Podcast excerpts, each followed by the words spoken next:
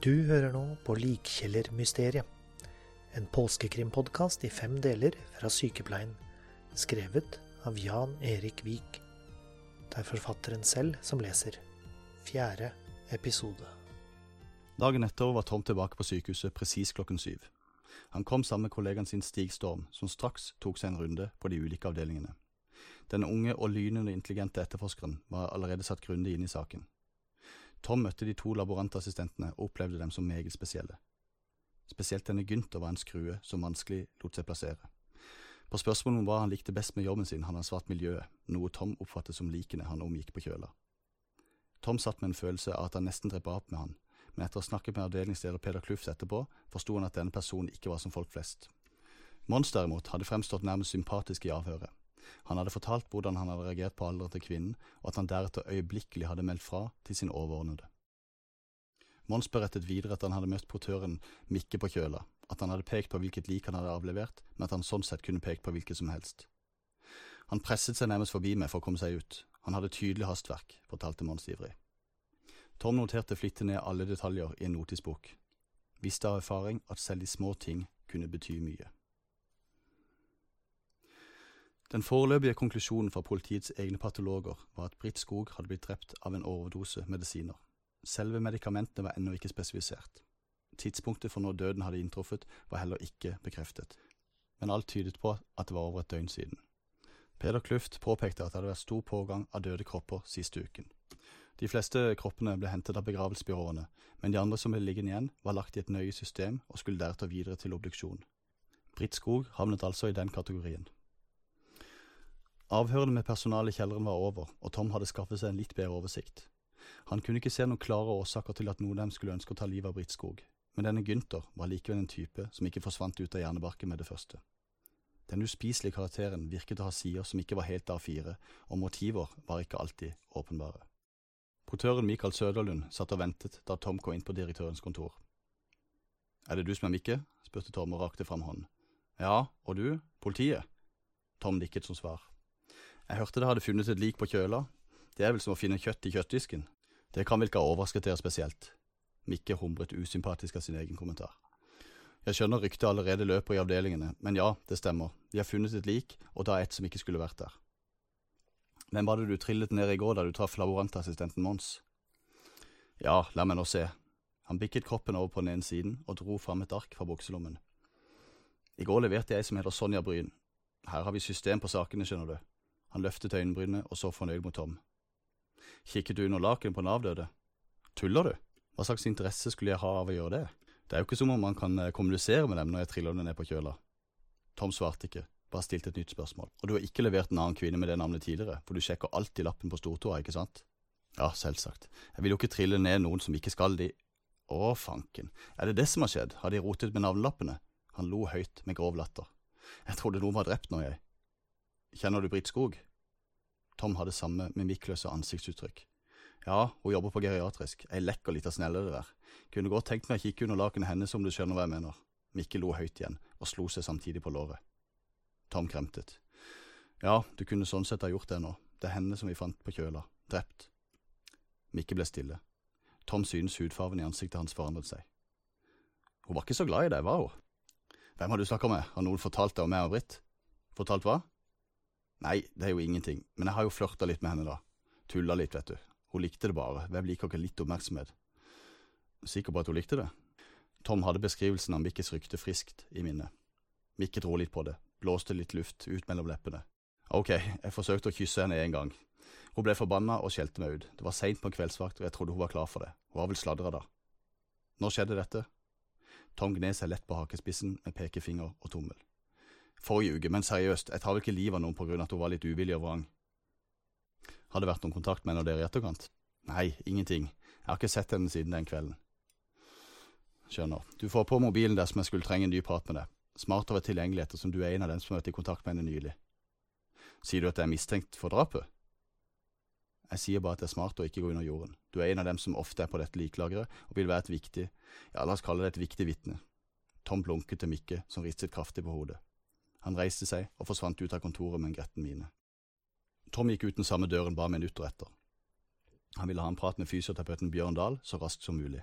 Han forsto at ryktet om drapet allerede spredde seg som et virus rundt om i avdelingene. På en måte negativt, men samtidig kunne ryktene også gjøre at viktige opplysninger kom opp i dagen. Fysioterapeuten Bjørn Dahl satt alene på spiserommet. Tom forsto straks hvorfor den feminine delen av personalet likte denne karen. Håret var velstelt, tykt og blondt, ansiktet glatt og med et hakeparti som var kantet og mandig. Det mørke tredagersskjegget var kledelig trimmet, og de blå øynene lyste opp i rommet. Han satt med gaffelen i en hjemmelaget salat da Tom kom inn i rommet og presenterte seg. Fysioterapeuten ble blek da han hørte ordet politi. Hva dreier dette seg om? sa han med mat i munnen. Kjenner du Britt Skog på geriatrisk avdeling? Tom satte seg ned på en stol ved siden av.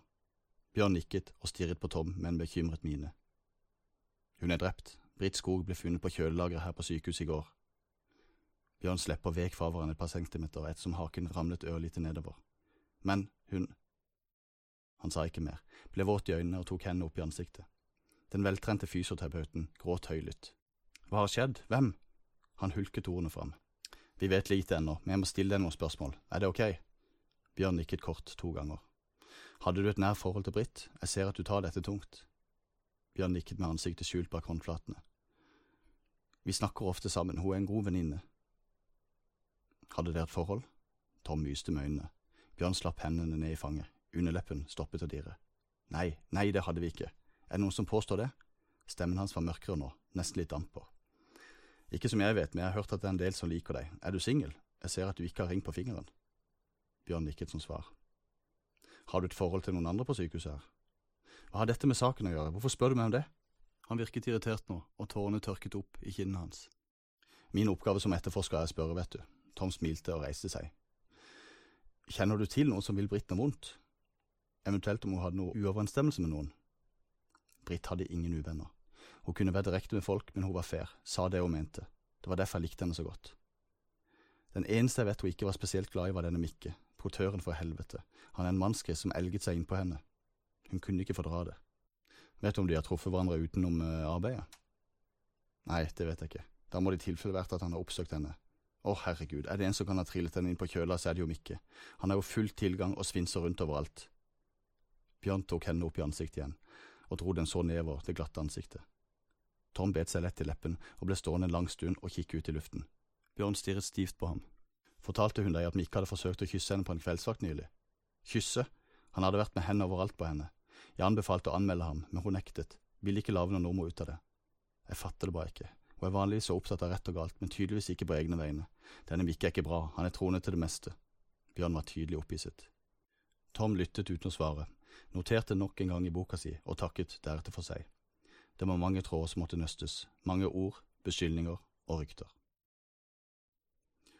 Tom møtte etterforskerkollegaen sin i kafeen som lå ved inngangen til sykehuset. Stig begynte å prate i samme sekund han så Tom. Tom stoppet ham. Vi setter oss først, Stig. Kaffe? Stig nikket og pustet dypt inn og ut. Det var tydelig at han ivret etter å få fram det han hadde funnet ut. Tom kom tilbake fra disken med to rykende kopper kaffe. Da ja, nå tar vi en liten gjennomgang. Du først. Ja, altså, jeg tok runden som du ba meg om. Først på hjerte-lungeavdelingen hvor Sonja ble fraktet fra.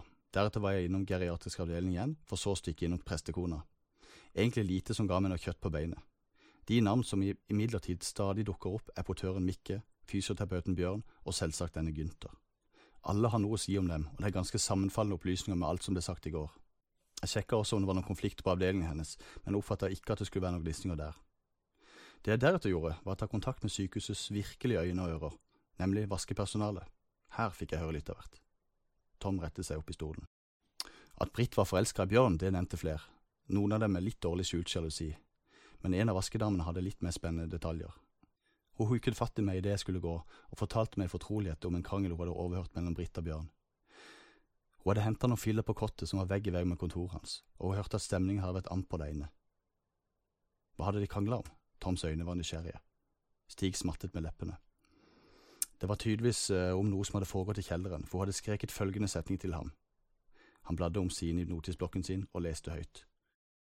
Dersom du tror at jeg ikke kommer til å gå videre med det i kjelleren, så kan du tro om igjen. Hadde jeg vært deg, så hadde jeg tatt en prat med presten snarest. Britt Skog hadde deretter forlatt rommet og smelt døren igjen etter seg. Har du hørt noe mer? spurte Tom. Stig ristet på hodet. Nei, det var alt hun hadde fått med seg. Tom og Stig ble sittende og stirre på hverandre, tankefulle begge to. Kan han ha forgrepet seg på henne? Stig myste med øynene. Tom både nikket og ristet på hodet i samme bevegelse. Ja, det eneste som slår meg, er at hun etter sigende var veldig forelsket i Bjørn, men han kan jo ha trådt over noen grenser. Han blunket fort med øynene. Vet du, vi følger jammen med rådet hennes. Hvem sitt råd? Stig så forvirret ut. Britt sitt vel.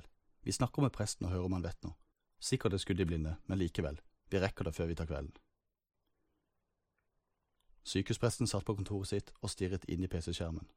Blikket var plaget, og han så sliten ut. Han kvakk til da de to etterforskerne banket på døren. Har du tid til et par spørsmål? Toms stemme var rolig, men bestemt. Til meg, ja, klart det. Hva gjelder det? Han svingte kontorstolen rundt slik at han ble sittende foran de to etterforskerne. Vi har nettopp snakket med en del ansatte på sykehuset, og en av disse er Bjørn Dahl. Kjenner du ham? Presten rettet seg opp i ryggen, vred litt på seg og nikket bekreftende. Han er øh, fysioterapeuten, ikke sant? Ja, stemmer det. Jeg velger å gå rett på sak og være litt åpen her nå. Tom holdt litt innsetningen. Presten nikket nølende med hodet. Vel, vi har fått høre at Britt og denne Bjørn Dahl har hatt en krangel, hvor Britt har skreket følgende til ham. Tom leste ordrett setningen som Askehjelpen hadde opplyst. Mitt spørsmål er ganske enkelt. Har Bjørn betrodd seg om noe til deg angående dette? Presten lente seg framover og trommet lett med fingrene mot siden av stolsetet. Dere tenker at han kanskje har gjort noe med henne i kjelleren, eller? Vi tenker ingenting, jeg ønsker bare svar på spørsmålet mitt. Men jeg kan ikke svare. Munnen hans retter seg ut en smal strek. Kan ikke svare, hvorfor i herrens navn kan du ikke svare? Toms stemme endret seg. Jeg har jo taushetsplikt, jeg kan ikke bare bryte en sånn uten videre. Å herregud, er vi der nå, ja? Tom mumlet setning for seg selv. Mener du dette? Presten nikket bestemt sitt svar. Greit, dersom du vil stå i veien for en drapsetterforskning med prinsipper, så får du ta det på egen samvittighet. Vi snakker med direktøren i morgen, og så tar vi en ny prat etter det. Vi får se hva han sier om saken.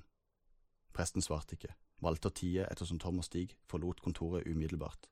De lukket døren igjen etter seg og beveget seg mot heisen. Å, som jeg hater disse paragrafrytterne. Hva i himmels navn skjer? En prest som tier når en drapsmann går løs. Det er helt… Tom var tydelig forbannet. Ja, jeg vet det, men etter prat med kona Gitte så har jeg forstått at han er en ung, men ganske så konservativ prest. Han har i flere mediesaker støttet det eldre presteskapet i deres, la meg si, ganske så utrangerte tanker. Men Tom, denne Bjørn Dahl, skal vi ta en ny prat med han med det samme? Stig trykket på heisknappen og så spørrende på Tom. Tom knep øynene ørlite sammen og ristet på hodet. Vi venter til i morgen. Vi må se om vi kan få noe ut av pressen først, da har vi bedre kort på hånda. Dagen etter lavet snø ned. Tom og Stig satt i bilen med et provisorisk blålys blinkende på taket. De freste i full fart gjennom gatene med vinterdekk som endelig fikk gjøre nytten. De var begge stive i blikket. Informasjonen de hadde fått på direktørens kontor, gjorde at de ikke hadde noe tid å miste. Kan han ha stukket av? Stig vrengte bilen forbi en gammel Opel Corsa og feide ut på hovedveien. Tom svarte ikke på spørsmålet, men fortsatte å holde mobilen opp mot øret. Ingen svar, sa han til slutt. Jeg ringer og sjekker om det er en patrulje i nærheten av boligen hans. Tom slo nummeret til sentralen og fikk raskt rede på at de selv var nærmest. Du må bare kjøre på, vi kommer først. Dagen hadde som planlagt startet på kontoret til direktøren. Tom hadde klaget på pressens uvilje i forhold til å samarbeide, og Konrad Langfelt var tydelig ubekvem med situasjonen. Det er jo vanskelig for meg å overprøve dette, men uh, jeg skal snakke med han. Men Bjørn Dahl, sier du, han kontaktet meg i går ettermiddag fordi han ville ha tak i deg. Meg? Tom var tydelig overrasket. Ja, det var noe han ville fortelle deg. Jeg antok at dere hadde dratt, men jeg sa at vi hadde en avtale i dag, og da sa han at det kunne vente. Ring han opp med en gang, hadde Tom beordret. Direktøren gjorde så, men hadde ikke fått svar. Han hadde deretter kontaktet avdelingen Bjørn jobbet ved, som var fortvilet ettersom han ikke hadde dukket opp på jobb. Flere avtaler satt og ventet, og han hadde verken gitt beskjed eller meldt seg syk. Det var derfor Tom og Stig nå satt i bilen og kjørte i full fart mot hjemmet hans. Han holdt til i et lite hus ti minutters kjøring unna sykehuset. Stig skrenset inn på gårdsplassen til Gardsvollen 4. Det var her Bjørndal bodde. De gikk ut av bilen og kikket mot det velstelte, hvite trehuset. Det gikk nesten i ett med de store fillene med snø som fremdeles lavet ned. Det ser stille ut, sa Stig lavt. Tom svarte ikke, men stabbet ut i snøen ved siden av huset og kikket inn i et vindu. Han ble stående og stirre en lang stund før han plutselig skrek til. Inn i huset, Stig! Han sitter livløs i stolen. Døren var åpen. Stig løp inn med Tom halsen etter. De stoppet brått. Bjørn Dahl møtte dem med lukkede øyne og et hode som hang ned mot brystet. Tom ropte navnet hans et par ganger før han gikk bort og kjente på pulsen. Han ristet på hodet. Ingen puls, iskald, død. De fire ordene kom stakkato. Tom tok et steg tilbake. De ble begge stående og stirre på lappen som var plassert under det store glasset med rødvin. Glasset som sto på kaffebordet ved siden av stolen han satt i. Kun ett ord sto skrevet. Sorry.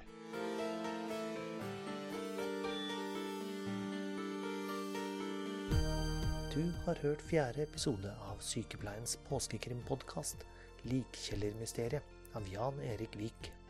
Femte og siste episode er tilgjengelig fra og med midnatt natt til 14. april. Og du finner alle tidligere episoder på Sykepleiens hjemmeside, på iTunes og på podbean.com. Vi høres.